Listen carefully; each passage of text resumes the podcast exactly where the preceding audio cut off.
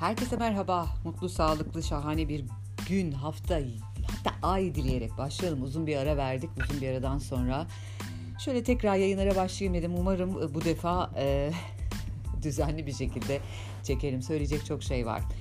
Ee, tekrar e, bu sokağa çıkma yasakları başladı, önlemler artırıldı, başa döndük gibi bir his var içimde. Ee, içimden de e, ziyade dışımda da tabii ki hepimiz aynı şeyi düşünüyoruz değil mi?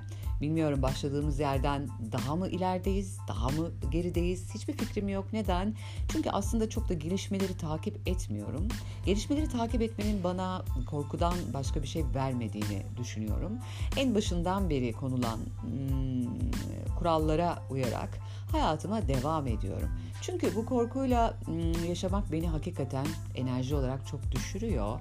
E, çok fazla farklı kaynaklardan gelen haberlere bakmak, e, bağışıklığı da baskıladığı için aklınızda olsun belki sadece güvendiğiniz bir ya da iki kaynağı e, takip edebilirsiniz. Çünkü değişen bir şey yok. En azından yapmamız gerekenler açısından. Şimdi madem başa döndük, madem karantinalar tekrar başladı, neredeyse pandemi başlayalı bir sene oldu. Hatta bir seneyi geçti. Ben şöyle biraz geçmişe gideceğim. Çünkü toplumsal yapı değişecek mi? Bütün bunların sonunda biz insan olarak e, değişecek miyiz? Kişiliklerimizde farklılıklar olacak mı? Daha doğrusu davranışlarımızda farklılıklar olacak mı? Bilmiyorum. Buradan çıktığımız zaman bunu yaşayacağız. Ama uzun süre tekrar edilen şeyler yeni alışkanlıklar doğurabiliyor ya da fazla e, strese girdiğimizde bir takım fizyolojik değişiklikler ya da zihinsel değişiklikler olabiliyor. Bunları hep beraber yaşayacağız, göreceğiz. E, bütün bunların da bir bilançosu çıkacak. Aynen e, geçen yüzyılda yaşanan İspanyol gribindeki gibi. Biraz İspanyol gribini araştırdım çünkü baktım dünya olarak e, gerçekten ders almış mıyız? O dönem yapılan şeyler bugün yapılıyor mu? O dönem işe yarayanlar bugün de yarıyor mu diye. Hakikaten çok benzer taraflarda var. Ee, insanoğlunun halledemediği şey yok. Yani geçen yüzyılda artık imkanların çok az olduğu bir zamanda bile tabii ki e, çok fazla kayıp vermiş bir e, olay İspanyol gribi. Neredeyse 50 milyon insanı öldürmüş. Peki e, şunu merak ediyorum. Salgın bittiğinde dünya ne haldeydi? Bununla ilgili e, araştırdım, okudum, fotoğraflara baktım. Belki farklı bir zaman diliminde olsaydı bunu hiç araştırmayacaktım e, duymuştum ama ayrıntılarıyla ilgilenmemiştim açıkçası. Ve yine farklı bir zaman diliminden baksaydım belki bu kadar etkilenmeyecektim. E, belki bu kadar gerçek bulmayacaktım. Bir hikaye gibi gelecekti ama işte benzer deneyimlerle eşleştiğinde zihin hakikaten ortak paydalar bulabiliyor. Şimdi İspanyol gribini daha önce duymadıysanız 20. yüzyılın başlarında yaşanan büyük bir salgın bu. 1918 ile 1920 arasında yaşanıyor ve 2 yıl içinde o sırada 2 milyardan az olan dünya nüfusunun üçte birini hasta ediyor arkadaşlar. Yani bu da tahminen 20 ila 50 milyon kişinin kaybına yol açıyor. Ee, tabii en düşük tahminler bile doğru olsa İspanyol gribi aynı dönemde devam eden Birinci Dünya Savaşı'ndan daha çok can almış olmuş böylelikle. Ee, Birçok değişikliğe de yol açmış. Ama şuna e, bakmamız lazım. Bunu göz ardı edemeyiz. Çünkü dünya 100 yıl içinde çok değişti. O dönem tıp ve pozitif bilimlerin sunduğu imkanlar e, bu tip bir salgınla baş etme bakımından çok çok daha sınırlı. E, çünkü doktorlar İspanyol gribine bazı mikroorganizmaların yol açtığını ve e, işte hastalığın insandan insana bulaşabildiğini biliyormuş ama hastalığın sebebinin virüs değil de bakteri olduğunu düşünüyormuş mesela. Normal değil mi? Yani düşünsenize belki de e, berberlerin diş çektiği bir dönemden bahsediyoruz o zaman. Yani e, tıp imkanları da çok sınırlı. E, ki düşünün dünyada ilk antibiyotik 1928 yılında bulunuyor. Yani ilk grip aşısının sunulması da 1940'ları buluyor. Ben size 1918 ve 20'den bahsediyorum. Ee, o zamanlar daha da hayati olan bu halkın genel olarak ücretsiz başvurabileceği sağlık hizmetleri yok. Ee, hatta zengin ülkelerde bile hijyen e, hala önemli bir sorunmuş. Ee, yani şöyle söyleyeyim size bu sanayileşmiş ülkelerde doktorların çoğu işte özel muayenehanelerde ya da yardım kuruluşlarında ya da dini kurumların e, açtığı hastanelerde çalışıyorlarmış ve çoğu insanın doktora ve hastaneye erişimi mümkün bile değil. O kadar kısıtlı bir zaman yani 100 yılda evet çok şey değişti.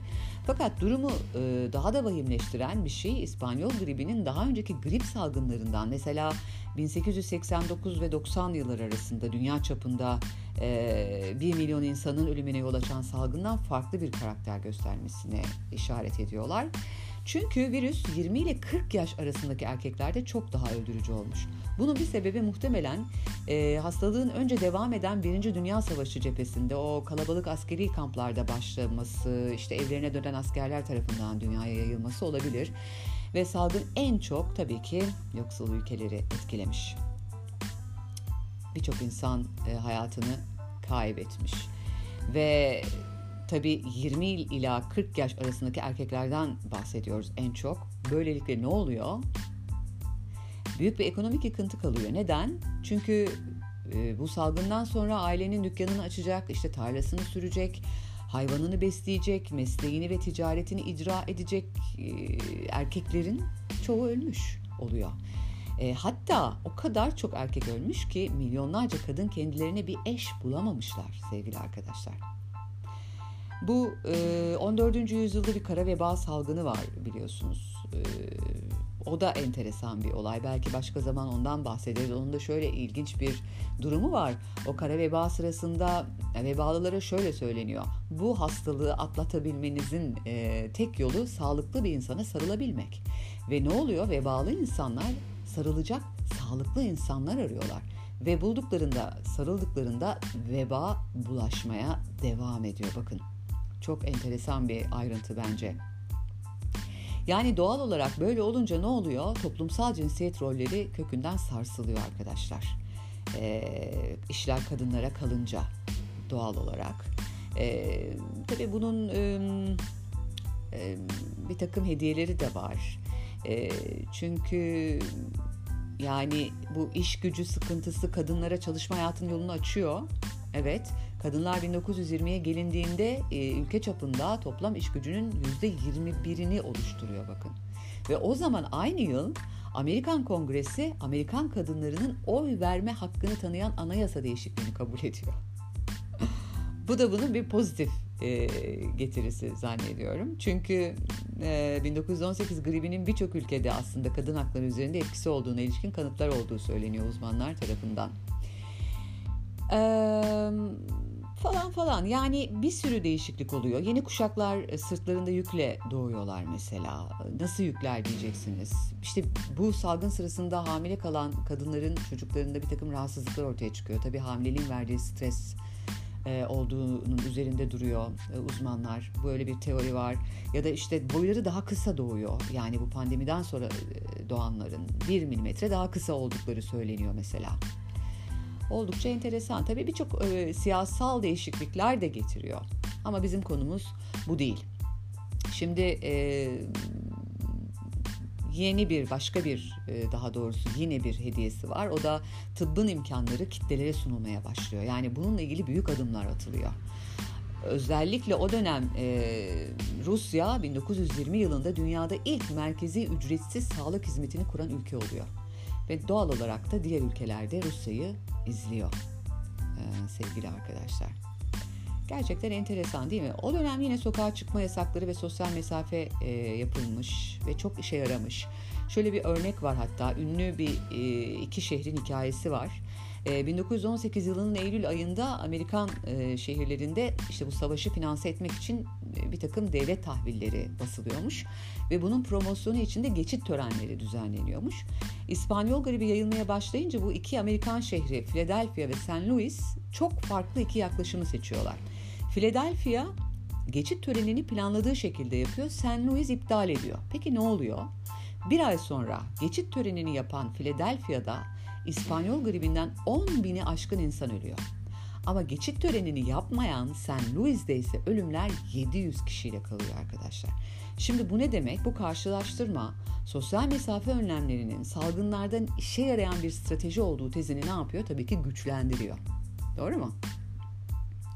Yine 1918'de birçok Amerikan Birleşik Devletleri kentinde alınan önlemleri karşılaştırmışlar başka bir araştırmada. Orada da işte kamusal toplantıları yasaklayan işte tiyatroları, okulları ya da kiliseleri daha erken kapatan şehirlerde ölüm oranları düşüyor. Evet. O yüzden unutmamak lazım. Aslında verdiği bütün bu önemli derslere rağmen İspanyol gribi birçok bakımdan unutulmuş bir salgın bence. İşte tarihi unutmamak lazım. Neden unutmamak lazım? Bu yüzden. Geçmiş beni de ilgilendirmiyor. Yani e, çok geçmişe meraklı bir tip değilim ama tarihten dersler çıkarmazsak ilerleyemiyoruz. Böyle de bir gerçek var. Dolayısıyla ben e, sosyal mesafe denmesini çok doğru bulmuyorum.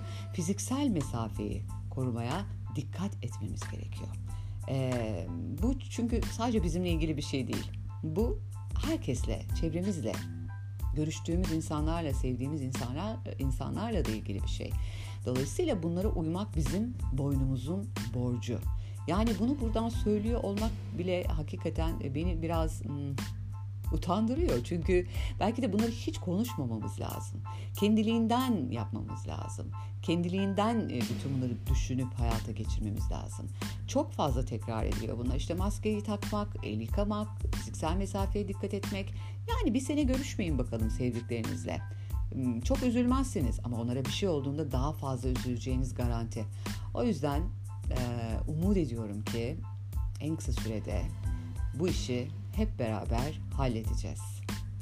Dinlediğiniz için teşekkürler. Bu arada kendinizi yalnız hissediyorsanız bana ulaşın. Duygularınızı anlatmak istiyorsanız bu dönemle ilgili. Çünkü epey baskılanmış bir dönemden geçiyoruz ve tabii ki duygusal olarak etkileniyoruz. İnsanız biz, e, duygularımızla yaşayan varlıklarız. Dolayısıyla bana ulaşıp duygularınızı paylaşabilirsiniz. Müge'nin oltası yazarsanız hem Facebook'tan hem de Instagram'dan hesaplarıma ulaşırsınız. Belki diğer yayınlarda sizin mesajlarınıza da yer verir, onların üzerinde de konuşuruz. Peki tekrar görüşmek üzere. Sağlıkla ve sevgiyle kalın. Hoşçakalın.